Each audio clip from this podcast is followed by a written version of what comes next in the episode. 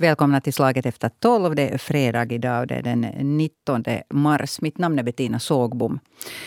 Ja, eh, retoriken den hårdnar. Och det är inte bara retoriken utan själva kriget också som eh, blir mer och mer hänsynslöst hela tiden. Eh, Vladimir Putin kallar nu krigsmotståndare, alltså de som vågar eh, tala, säga, yttra något som helst negativt om, om, om krigshandlingarna för han kallar dem för landsförrädare och han jämför dem med eh, flugor som man eh, såna spottar ur sin mun. Och eh, ja, eh, USAs president Joe Biden eh, har kallat eh, Vladimir Putin för en krigsbrottsling ja, vad händer nu och eh, vad har vi att vänta oss från den här eskalerande krisen? Det ska vi diskutera här idag. Med mig har jag veterandiplomaten och Rysslandsexperten René Nyberg. Välkommen. Tack, tack. Och så docenten i politisk historia, historikern Mikko Majander. Välkommen. Tack. Ja, alltså det här Putins tal här för några kvällar eller några dagar sedan. Det var ord och inga visor och nu börjar man tala om förrädare, att skilja agnar från vete, skilja förrädarna från patrioterna. Va, vad tänkte ni när ni hörde vilka ord han använde? Vad säger du, René Nyberg? Det var, det var någon slags desperation i hans röst och hans sätt att uttrycka sig. Han sucka mm. djupt i mitten av sitt tal. Ordvalet var naturligtvis eh, naturligtvis ovanligt eh, och, och otäckt. Men, eh, men möjligtvis en desperation att, han är, han inte, inte, eh, att, att den ryska ledningen och Putin personligen inte riktigt vet hur de ska komma ut ur den här, den här lilla segerrika eh, kriget som, som, som nu eh, är i sin fjärde vecka. Mm. Vad, vad tänkte du? No, det är helt tydligt nu att kriget har kommit på hem, hemfronten mm. i Ryssland. Att, Eh, förra veckan Lavrov fortfarande sa det att Ryssland har inte attackerat Ukraina. Putin har sett att det är ingen krig. Men nu man talar krigsspråk åt sina egna. Mm. Att, att uh, ja, det, det är liksom hemfronten är öppen nu och, och, och Eh, Putin måste liksom använda total inte totalkrig eh, eh inom Ryssland men i propaganda. Att, att, eh, det, det, liksom, man kan inte eh, skydda ryska folket från det här kriget längre. Jag tycker att, det, var, det var intressant och ovanligt att, att den amerikanska presidenten Joe Biden på ett personligt sätt attackera Putin och kalla honom för krigsbrytare och mm. skurk fagg. Ja, det också. Ja. Eh, eh, det är någonting som till exempel Kennedy inte gjorde när det gällde, när det gällde eh, Khrushchev i tidernas Khrushchev i tidernas tid i samband med, med, med, med, med Kubakrisen. Och det är någonting som den finska propagandan undvek under kriget. Det var inte Stalin utan det var Molotov som var mål, målet för den finska propagandan. Ganska vulgär finsk propaganda men mycket populär. Man, man sjöng och mm. skämtade och så vidare. Men Stalin nämnde man inte. Det, det här just att det blir nu äh, personal.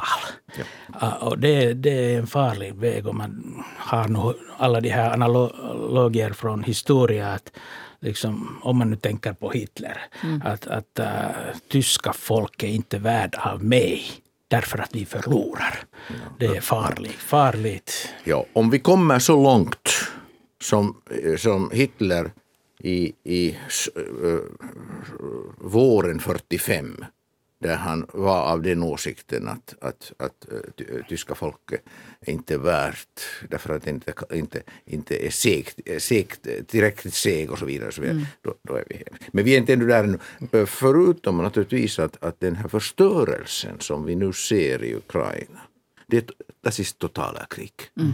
Det är någonting som som, alltså den, ryska, den, ryska, den ryska armén har visat sin, sina svagheter, vi vet vad de är. Och de, kom, och de, de rycker inte fram, de, de lyckas inte.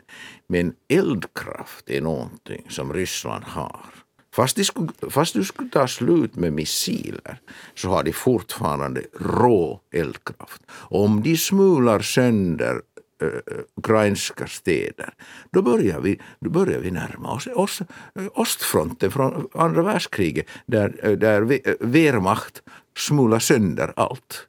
Och mm. tyskarna sen gjorde samma när de sen tog, tog, tog, ryckte in ända till Berlin. Mm. Mikko Majanen. Ja, jag funderade också med det här Putins tal, eller lyssnade den, kom att tänka att kriget började Ryssland och Putin hade ett klart syn att byta regimen i Ukraina. Mm. Han har inte erkänt det, men det är helt klart att han ville ha Ukraina någon slags ny Vitryssland som lyssnar och lyder Moskva och Kreml och Putin. Men det här talet betydde att nu människorna väntar, det är frågan om Putin. Är det regimskifte i Ryssland och inte Ukraina längre? Och det här är då idé som, som äh, Putin inte kan låta bli. President Sauli Niinistö sa ju också att, att i det samtal han hade med Vladimir Putin och han har ju gett flera intervjuer om det här, bland annat till CNN och brittiska BBC och så fått de här frågorna att, att, no, att no, vad sa han då? Och han sa att, att han blåner säger att inte har han någonsin haft som mål att byta ut regimen. Han nekade. Mm, han nekade. Ja. Jag tror att Mikko har rätt. Eh, jag, tyck, jag tycker att, att, att mm, det, det, var lite ovanligt att den franska utrikesministern kom ut och sa att de här förhandlingarna, de här fredsförhandlingarna mellan, mellan Ryssland och Ukraina inte är seriösa. Att, man inte, att ryssarna, eller med andra ord, ryssarna försöker inte ens nå resultat. Och, och då kommer vi, eh, det är det ena. Och det andra är det att, jag tror att, jag tror att eh, president Niinistö sa att vi kan inte gå tillbaka. Det är, ja. Vi kan inte gå tillbaka till det som var förut. Och jag kan inte tänka mig heller att, att eh, kriget, det kommer att sluta någon vacker dag, att vi sen skulle umgås med, med, med Putin på ett sätt som vi har umgåtts förut. Alltså det är omöjligt att tänka sig. Och därför kommer vi naturligtvis till den här tanken att, att, att eh, det här kan nog leda till, till stora omvälvningar i, i, i Ryssland och det finns tecken på det. Men, men det här är någonting som vi ur rysk historia vet om det blir maktskifte i Ryssland så kommer det att hända hända så, så är det överraskande snabbt och det kan bli mycket, mycket brutalt. Men vi kan inte så att säga, vi kan inte säga att det händer imorgon. Det är omöjligt, vi ser inte det, det, är helt en täckt sak, alltså det är omöjligt att se in i den nu. Mm. Men jag tror nog att, att Ryssland kommer att... Man kan inte fortsätta på det här sättet, någonting måste hända. Fast de kan smula sönder. Det blir Aleppo eller, eller Grosny mm. 1995. Det, det, kommer de nog att göra och det, och det är brutalt. Mm. No, det finns ju redan uppgifter om att vissa städer är, är så att säga mycket över hälften av byggnaderna totalförstörda. Jag tyckte att de talade om någon stad till och med att det är bara 10 procent som står med av byggnaderna oskadda där. Att, att resten är, är redan skadade. Men är det inte, är det inte, är det inte, upp, är det inte otroligt att Mariupol har varit omringad. Människorna mm. lider, det finns vatt, brist på vatten. Och de kämpar ändå. Mm. Alltså, vi har, det, här, det här är ett krig. Det här är ett, verkligt... Eh, alltså, alltså den ukrainska arméns moral och befolkningens moral är någonting som, som äh, jag måste nog säga att jag aldrig kunde tänka mig att det, att det skulle vara. Jag läste just en, en, en rysk analys om den här mm. saken, en lekt rysk analys som sa att, att det som ryssarna inte förstod var det att att det fanns en politisk ledning men hela den här militärledningen är decentraliserad. Det är kommendörerna som, har, som, som sköter sin uppgift. Det, det, är inte Kiev som säger att här ska ni attackera och det här ska ni inte göra. Mm. Men man, från historien måste komma ihåg att uh, det här Ukraina-området massor menos det är det blodigaste del av Europa under 1900-talet. Ja. Att länderna mellan, mellan Tyskland och uh, Ryssland eller Sovjetunionen att uh, kriget är inte någonting nytt eller, ja. eller svältet eller lidande. Att, att, uh, det, det är hemskt historia men kanske ger också liksom någon, någon slags erfarenhet till det att man har haft hårda tider. Man måste leva genom dem. Att, men det är synd att vi har inte lärt någonting. Mm. Det, alltså det här stämmer ju, det är fullständigt rätt alltså. Under um, det ryska inbördeskriget, um, sen när första världskriget uh, tog slut, tyskarna invaderade och uh, besatt uh, um, och, så att säga, ockupera i praktiken dagens, hela dagens Ukraina. Och sen blev det ett inbördeskrig, det var, det var blodigt och det var speciellt Ukraina som var det mest blodiga här. Och, andra, och samma gäller naturligtvis andra världskriget, det var om vi talar med, med dagens uh, uttryck så, är det, så var det vit, dagens Vitryssland och dagens Ukraina som fysiskt uh, hade, hade det svårast. Där så att säga förintelsen var. Där hände ju också förintelsen om vi talar om, om judarna. Mm. Det var där judarna, judarna dödades. Och, och eh, skillnaden mellan östfronten och västfronten i, i, i det tyska tänkandet var det att man, att man fraktar inte judar från östfronten till koncentrationsläger, man, man dödar dem på plats. Mm. Eh, jag tänker, eh, när vi talar om den här retoriken här, så jag tar några steg tillbaka till det som, som eh, du, René Nyberg, här sa. Du tyckte att det var märkbart att Joe Biden använde så här hårda, alltså personliga. Och du, Mikko Majander, sa att, att det liksom har blivit personligt nu och det är alltid en risk. Men, men, men det att han använde sånt ord som thug, alltså gangster, typ. Så här, varför tror ni, det kan ju inte ha varit misstag, varför tror ni att han väljer att göra det? Kanske där är också signaler eh, till amerikaner. Ah. Inrik, inrikespolitik. Där är valåret nu också i USA och man, man vet vad med, hurdan retorik använde Donald Trump i presidentvalen och så vidare. Att eh, kanske den gamla Joe Biden måste visa också li, lite muskel och styrka i ordet. Mm. Jag, jag vet det, det, jag bara funderade att det är naturligtvis i diplomatin det är ovanligt och mycket kanske farligt också att uh, göra det så. Men, men man måste komma ihåg att uh, det är också amerikaner som lyssnar presidenten. Mm. Eh, jag tänkte att, alltså min, min, första tanke var det att, att oh, varför? Sen, sen kommer jag att tänka på att idag nu på eftermiddagen så kommer, ska Joe Biden tala med den kinesiska presidenten Xi. Mm. Det, kan vara en, det kan vara en message för kineserna att ni har en skurk som är, som är, som är granne, och, och, och, granne och vän och så vidare. Samma eh, allierade är, är det ju inte, men de, de står politiskt väl, eh, nära till en viss gräns. Kineserna har ju inga, har ju inga allierade. Mm. Kina är aldrig allierad. Det, det, det, var ena tanken. Det andra är naturligtvis det också att det, det, det, är, ett, det är ett sätt nog att signalera att vi kommer inte mera att förhandla med honom.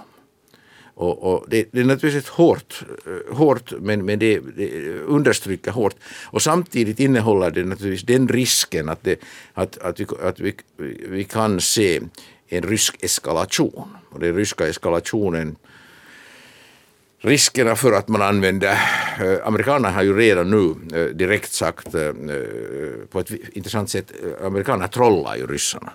Mm. På, ett, på ett eh, väldigt intressant och egentligen ganska skickligt sätt. Att de, de leker eh, underrättelseinformation och, och, och, säger att de vet att ryssarna planerar force flag operationer, alltså använda kemiska vapen och påstå att det är ukrainarna som har använt mm. dem. Så att det kan hända att det, det, här är också en del av den här, den här politiken, att de sätter press och sätter hårdare och hårdare press. Men den här eskalationsrisken, och speciellt, speciellt om det kommer sen till, till någon slags kärnvapen kärnvapendemonstration, jag säger inte en användning, men kärnvapendemonstration. Alltså, man har höjt nu beredskapen. Igår så hade man en underlig manöver där uh, ryska regeringsflygplan uh, uh, flög flög i inre delen av Ryssland, någon slags evakuering eller sek, vad det nu kan vara. Alltså man, man signalerar hela tiden, alltså det, det, det, mm. det är väldigt svårt. Då. Mm. Jag, skulle, jag tycker att den här Kina-aspekten är nog på diplomatisk nivå det är mycket intressant och, och, och uh, det är delikat spel också att, från Bidens del att uh, han kallar det Xis bästa vän som var just där, fira olympiska spelet och så vidare. kallar skurk. Men det här, i det här läget, det är nog också möjligheterna att, att liksom eh, på, på något sätt eh, hitta jag tycker, bättre relationer med eh, Förenta Staterna och Kina. Att liksom vinna över att Ryssland har så lite att erbjuda Kina. Och tänk hur mycket, vad, vad, vad, i jämförelse med vad västern har. Att, att, och jag, jag har inga illusioner att Kina skulle göra någonting som är inte i deras egen intresse för att hjälpa Ryssland. Det går inte. Ja, det, så det, här är, det här är den stora frågan, att rör sig Kina. Och allt det här är naturligtvis eh, eh, alltså, eh, ur vår synpunkt, synpunkt också intressant att för Kina är viktigt för oss, Kina är viktigt för oss alla. Att det, men att, men att vi kommer inte hemskt långt nu med den här typen av att mm. utan, utan utan eh, någonting som är intressant, alltså, som, som, vi, som vi måste, kommer att fundera ännu, ännu månader och år efteråt är att hur kommer det sig att den ryska, den ryska militären, ryska, ryska armén har, är så dåligt förberedd och, och har, en så, har en så dålig ledning. Och moral. Och truppens moral är låg. Plus att, att de inte ens kan försörja sina och här, är, här, finns det tekniska svar. De försörjer med järnvägar och, och när det är vägar. Och så det, sen med den här leran på Ukrainas slättar. Det är ju nästan som en, som en kliché. Mm. Ja. Men att vi kommer inte hemskt långt med det här nu. Vi har inte, vi har inte, det finns inte hemskt mycket svar. Jag tycker att det, det viktiga är nu att, att vi, jag tänker nu på Finland och Sverige, att vi nu gör rätta beslut här. Och och behärskar så att säga vi har ju en process på gång. Jo. Alla vet att, alla, process, alla vet att det pågår ja, Alla talar process. om en process ja. och, och, att vi behärskar den här processen. Mm. Att vi gör det eh, klokt, genomtänkt. Och min personliga uppfattning är det att vi bör göra det i, i jämn takt med Sverige. Vad tänker du om Mikko Majander? Ja, det här är processen med stort P som pågår. Ja. ja, jag, jag, förstår inte riktigt alla de där som skriker att äh, presidenten borde slå fast sitt åsikt just nu och mm. berätta folket att vad ska vi göra med NATO. Att, äh, jag tycker att tidtabellen äh, som det är nu redan är ganska snabbt.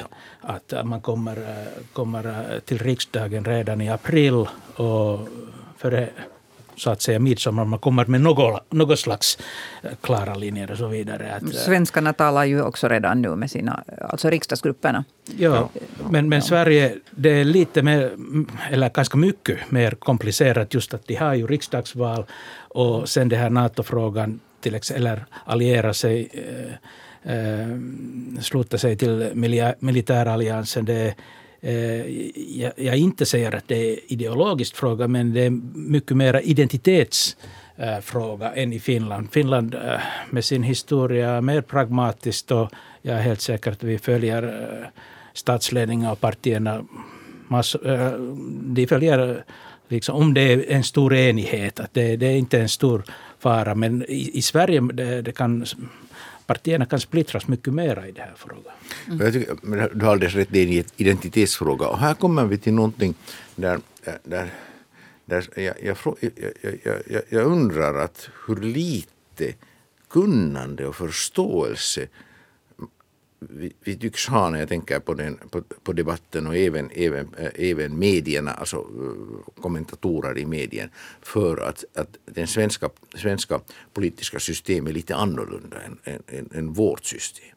Alltså helt enkelt bara det, alltså, den svenska socialdemokratin eh, är ju mycket mera, har ju en mycket starkare så att säga, ideologisk så att säga, mm, ska säga sockring än, än, än, än vad vi är vana med. Beroende på det att de har varit så länge dominerande, starka och de har haft karismatiska ledare som egentligen har, har som fortfarande från graven ännu. Olof Palme tänker du på? Jag tänker på, jag tänker på Palme naturligtvis. Ja. Men att vi har, i vårt fall så är, det, så är det den här pragmatiska, det är ju alltid, jag kommer ihåg, jag, satt med, jag satt med i radiostudion mm. när, när Koivisto 2002 fick frågan i Moskva en tim, timmes äh, radiointervju om hans bok Den, den ryska vägen. Mm. Han hade kommit ut på ryska. Han blev sen frågan att att äh, ryska idén, förlåt mig, förlåt mig. Så, så blev han frågad av, av den här reporten som, som, som hade läst boken men annars var, inte riktigt förstod vad, vem Koivisto var, inte hade riktig idé, ställde all slags underliga frågor. Men slutet frågade han, vad är den finska idén? Bra fråga. Och, och Koivisto utan att, utan att, att, att, att, att ens, ens ens, han snabbt och klart sa på ryska ett ord, vyžit, och det betyder överleva. Och det här överlevandet, det är ju naturligtvis grunden och förklaringen till vår pragmatik. Och i det svenska fallet så finns det så mycket eh, det är så mycket som man måste ta bort förrän, förrän man kommer sen till, det, till överlevandet. Det var, det var en huisigt bra beskrivning det där av, av, av läget. Vad, vad säger du Mikko Majander? Eh, om, om Finland och Sverige, jag, jag tycker att eller anser att uh, nu det är ingen dags för några gamla komplexer att fundera från Just. historia. Mm. Att, uh, kan man lita på Sverige? Så det är liksom ja. onödigt och inte ens historiskt uh, rätt vet, väg att tänka. Mikko har rätt. I, in, in, inga sådana där lillebror-komplexer. Det, det, finns inte plats att liksom i NATO-frågan, vi visar vägen. Att nu liksom Sverige det, Sverige är så oerhört viktigt för, eh, för, för eh, Finland på många sätt och också i säkerhetspolitiken. Och vi har utvecklat det där. Vi är, mycket, vi är jämbördiga EU-länder där och eh, har lite andra linjer där. Men vi har bara att vinna genom att sköta det här och inte en liksom sån attityd att, ja, att vi vågar nog göra NATO-beslut och behöver inte bry sig om Sverige. Men det betyder, att, det betyder mm. inte att vi måste vänta att hur Sverige eh, bestämmer. Mm. Men att en sån extra oho behövs inte här. Tycker ni att det finns en sån uh, känsla just tyvärr, nu? Då? Att, är tyvärr, det så? Mm. tyvärr. Eh, Mikko hade full, fullständigt mm. rätt. Jag instämmer. Alltså, vi har nu en process. Mm. Den här processen kan leda till det att vi söker om medlemskap. Vi får se. Mm. Det, men för att behärska den här processen måste vi så att säga tänka på flera saker. Och en av de viktigaste och mest akuta nu är det att vi eh, gör det i jämn takt med Sverige. Förstår Sverige och, och, och eh, eh, är måna om att, eh, att, för, att säkra oss att Sverige förstår oss. Och den militära samarbeten som har gått djupare, snabbare och mycket längre än någon kunde ha tänkt sig 2014 när det började. Den bevisar att vi kan det här. Jag, kan, jag är säker på att, att Sauli Niinistö och Magdalena Andersson förstår varandra också. Eh, det är också viktigt att notera, det här är inte självklart heller, vi är inte, vi är inte bra på Sverige. Jag säger att vi är inte hemskt bra på Sverige sådär allmänt. Vi förlorar svenska språket, det är ett mm. faktum som stör många saker, till exempel Ålandsfrågan. Eh, är att, att Magdalena Andersson var sju år finansminister. Hon är en oerhört stark socialdemokratisk ledare. Hur det går sen för henne i, i kommande riksdagsval är en annan sak. Men hon är en stark, eh, riksdags, eh, stark ledare för socialdemokratin. Så att vi måste så att säga eh, vara måna om att, att vi sköter det här på ett skickligt sätt. Och allt, allt den här onödiga, lite, jag, sa, jag, sa åt en, jag sa åt en riksdagsledamot, finsk riksdagsledamot som, som här, häromdagen att det här storfinska kan, kan, du, kan du glömma. Det behöver vi inte. Så att, att om vi behärskar processen så behärskar vi den också i vårt förhållande till Stockholm. Mm. Bara kommentar om...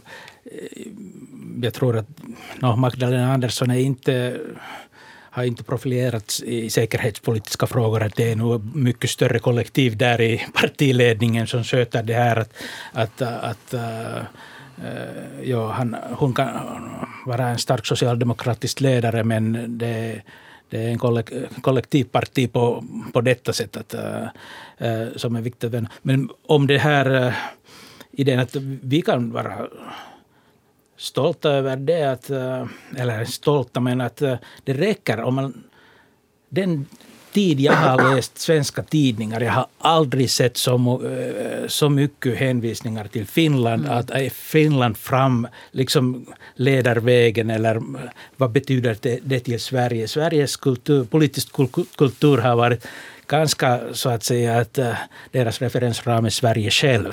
Men nu de reflekterar, vad gör Finland? Ja, jag tycker det räcker till Finland, borde räcka ja. till finländare att, hej, hej, att vi, vi, har, ja. vi är i bra läge här att, att, att inte liksom vänta puukkoa. Mm. Eh, det här, eh, alltså, Mikko har rätt, det där är bra sagt. Jag tycker, jag tycker att det finns en annan sak här, det är det här militära samarbetet. Mm. Den har visat att det är reellt. It's a real thing.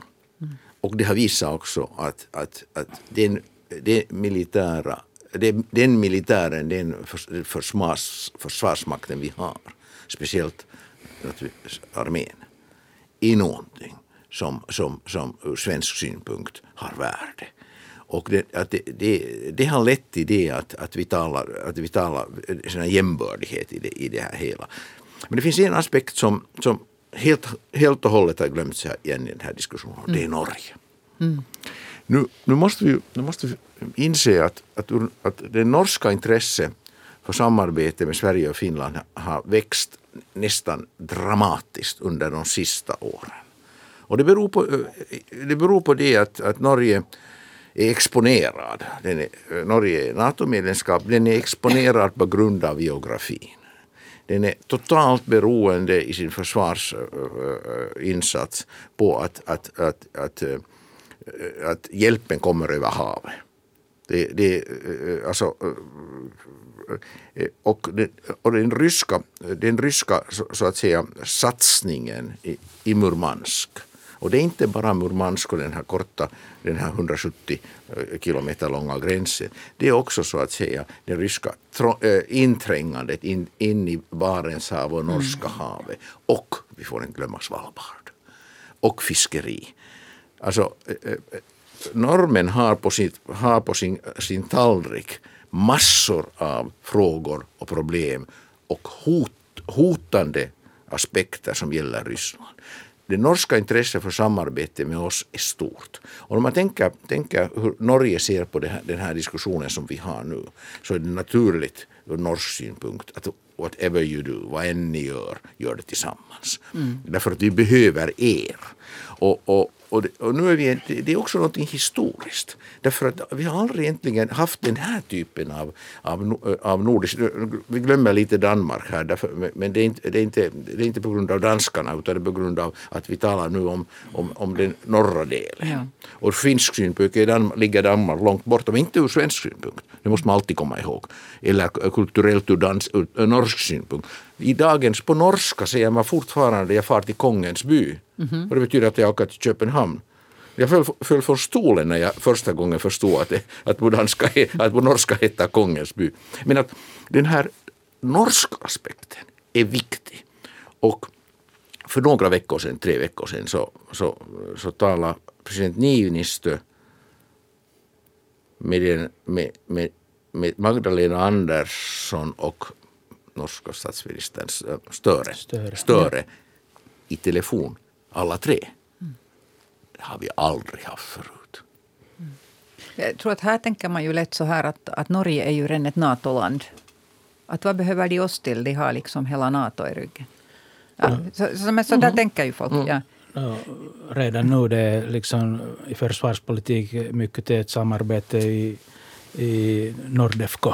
Eh, där liksom eh, våra, våra flygplan flyger tillsammans med Sverige och NATO-land Norge.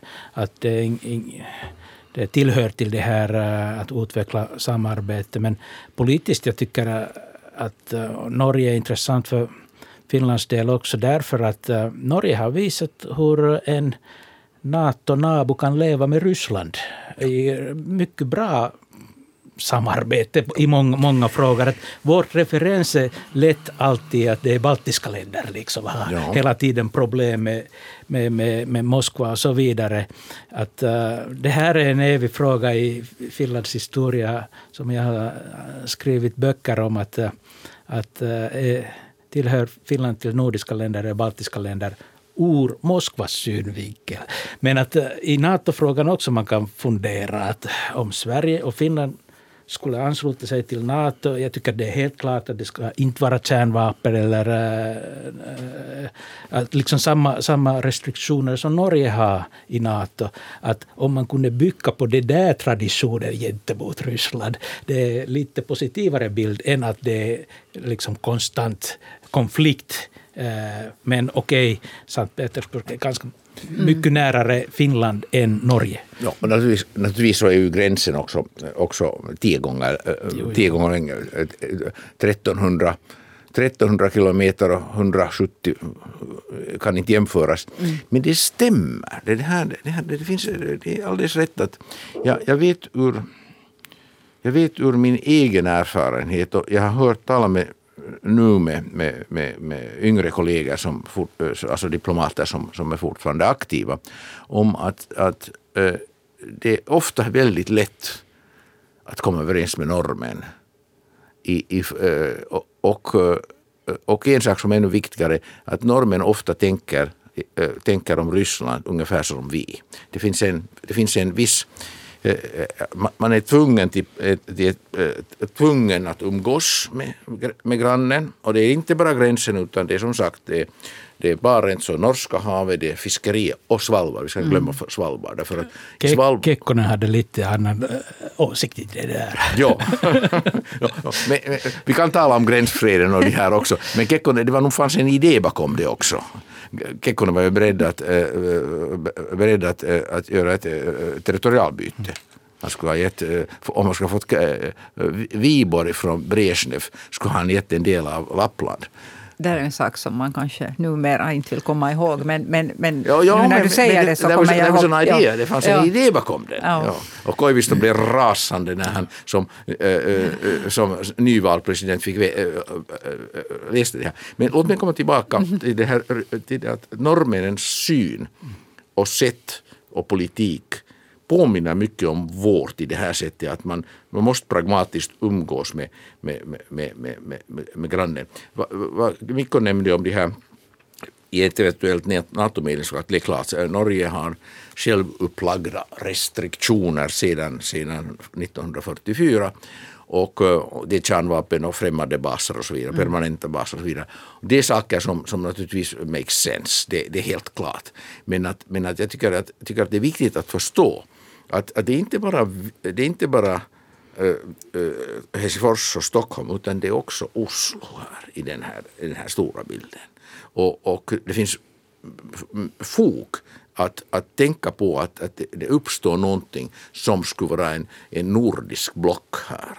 Eh, som, som, som skulle öka nog, det skulle ha militärt väldigt stor effekt, det, det måste man också säga. Men, militärt stor effekt, men tillika borde man ju tycka att, att någon i, alltså i Ryssland kunde man ju också se det på det sättet att det här är då tre länder som under inga omständigheter skulle tillåta kärnvapen på sin på sitt område. Det, det kunde ju att om de nu ska ha Nato som granne så är det väl, finns det inget bättre alternativ än just Finland, Sverige och Norge.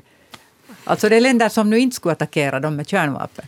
Eh, det här med kärnvapen är lite komplicerat. No, men överhuvudtaget, ja, ja, överhuvudtaget skulle attackera dem, det här, utgöra ett hot. Det här, är, det här är seriösa grannar, det är inte fråga om det. Det är det jag menar. Mm. Och, och, men nu kommer vi till den stora frågan som vi inte, egentligen eh, inte kommer långt i. Vad händer i Ryssland? Mm. Vad är det för Ryssland vi har? I framtiden? I framtiden. Mm. Vi skulle kunna redan kunna tala att vad kunde en post Putin Ryssland vara? Och då kommer vi till den, eh, kommer vi, eh, det är ju helt blankt, vi vet inte, det är svart. Men jag skulle säga att vi kan ha en destabiliserad Ryssland och det kan bli otäckt för oss. Mm. Vad det betyder otäckt är en annan sak, men det kan bli otäckt för oss alla i Europa. Men att vi vet inte, det, det, är ingen, det finns ingen möjlighet att gå tillbaka till, till tiden före ryska attacken. det, eh, och sen, sen, eh, sen eh, skicka delegationer till Moskva eller, eller alltså, det, det, vi vet inte vad som händer i Ryssland. Och det är ett, en faktum i den här processen som också måste tas hänsyn till.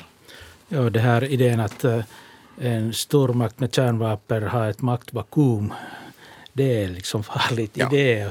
Och uh, jag funderar det här hur Sovjetunionen gick sönder. att uh, I Ryssland man inte liksom... Uh, Mihail Gorbatjov är in, ingen hjälte. Men att uh, tänk bara om det skulle ha varit en annorlunda ledare i den där situationen. Att, att behärska det, att, eh, att det gick så bra internationellt sett som, sen, som det gick. Men sen där var liksom andra faktorer som kunde fylla det där maktvakuum. Jag menar Jeltsins Ryssland mm. då till ja, exempel. Ja. Men nu, det finns inte. Men, men det här tycker jag, nu när jag har två herrar här som förstår sig på det här, så eh, det har cirkulerat på, på social media. Jag tror att massor med finländare har sett en föreläsning av, eh, vad heter han nu igen? Överste Kari. Ja, överste Kari som är från 2018. Ja. Och den har cirkulerat flitigt nu. Och, och det, jag har sett den två gånger. För att eh, Han förklarar så bra den här att hur Ryssland fungerar och att det går i cykler. så här. Ja. Och att det alltid slutar med det att det ska vara en stark ledare. Alltså den här mm. maktpyramiden. Och den får kanske förändras med åren, vem det är som är där mm. i toppen och vem som är i det där mm. andra skiktet där under. Att nu har vi haft Putin och vi har haft de här oligarkerna också som nu mitt i allt, eller också är paria tydligen. Men det är liksom att det fortfarande att det går tillbaka till det här triangeln, eh, alltså, eh, pyramiden. Alltså, den ryska, den ryska uh, historien vi kan lära oss från den ryska historien att många saker. En sak är att när det blir maktskifte så sker det så, så är det plötsligt och det kan bli blodigt. Mm. Och, och, det är oförutsägbart. Vi vet inte när det blir maktskifte. Kan, nu kan vi ana oss att det är möjligt. Det är det ena. Det andra är det att en, en efterträdare bör inte, äh, inte äh, nödvändigtvis efterträdare.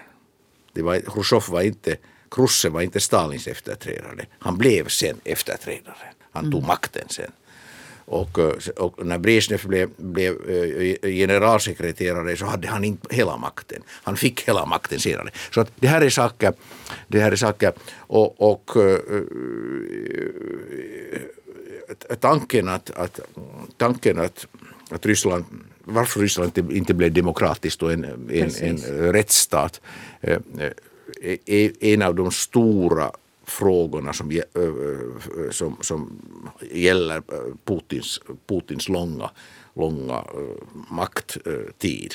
Och, och min uppfattning är det att han helt enkelt betraktar en rättsstat som ett hot mot det systemet.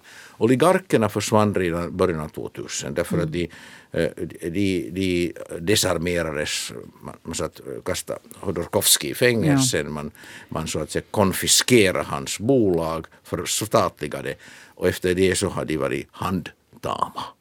De har haft en viss roll och det är det att de ska betala räkningar om, om, om, om det behövs. Men det, det är de här silavikerna, eller alltså de här, den här äh, äh, hemliga polisen äh, i tredje potens. Ja. Allt som finns där.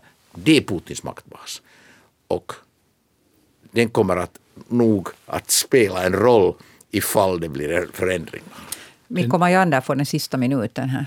Okej, okay, den där boken som redan nämns, president Koivistos bok om Ryssland, ger ett äh, svar till det där, mm. din fråga. Jag tror att det där medborgarsamhälle och demokratiska, demokratisk kultur, politisk kultur, det är så långsamt att växa underifrån. Och Ryssland som är en som är kontinental stormakt, de har, den har inte haft eh, tid och tålamod att vänta att det skulle det här historiskt process gå mot en demokratiskt medborgarsamhälle. Eh, att, att, ja, man alltid kommer så lätt att man kan hoppa över och ha liksom, en great, great leap forward som brukade säga i, i Kina. Att, att ja. Mm tyvärr, just nu det ser inte särskilt bra ja. ut. Nej.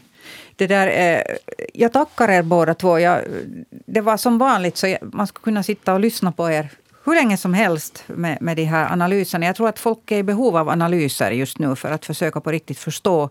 Och det också eh, ger en viss lättnad att, att försöka borra sig in i ämnet på ett sådant sätt att det är analytiskt och inte, inte så där bara från händelse till händelse.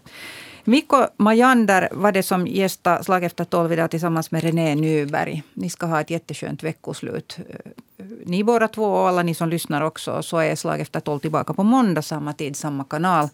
Eh, klockan 12.03. Ha ett skönt veckoslut. Hej.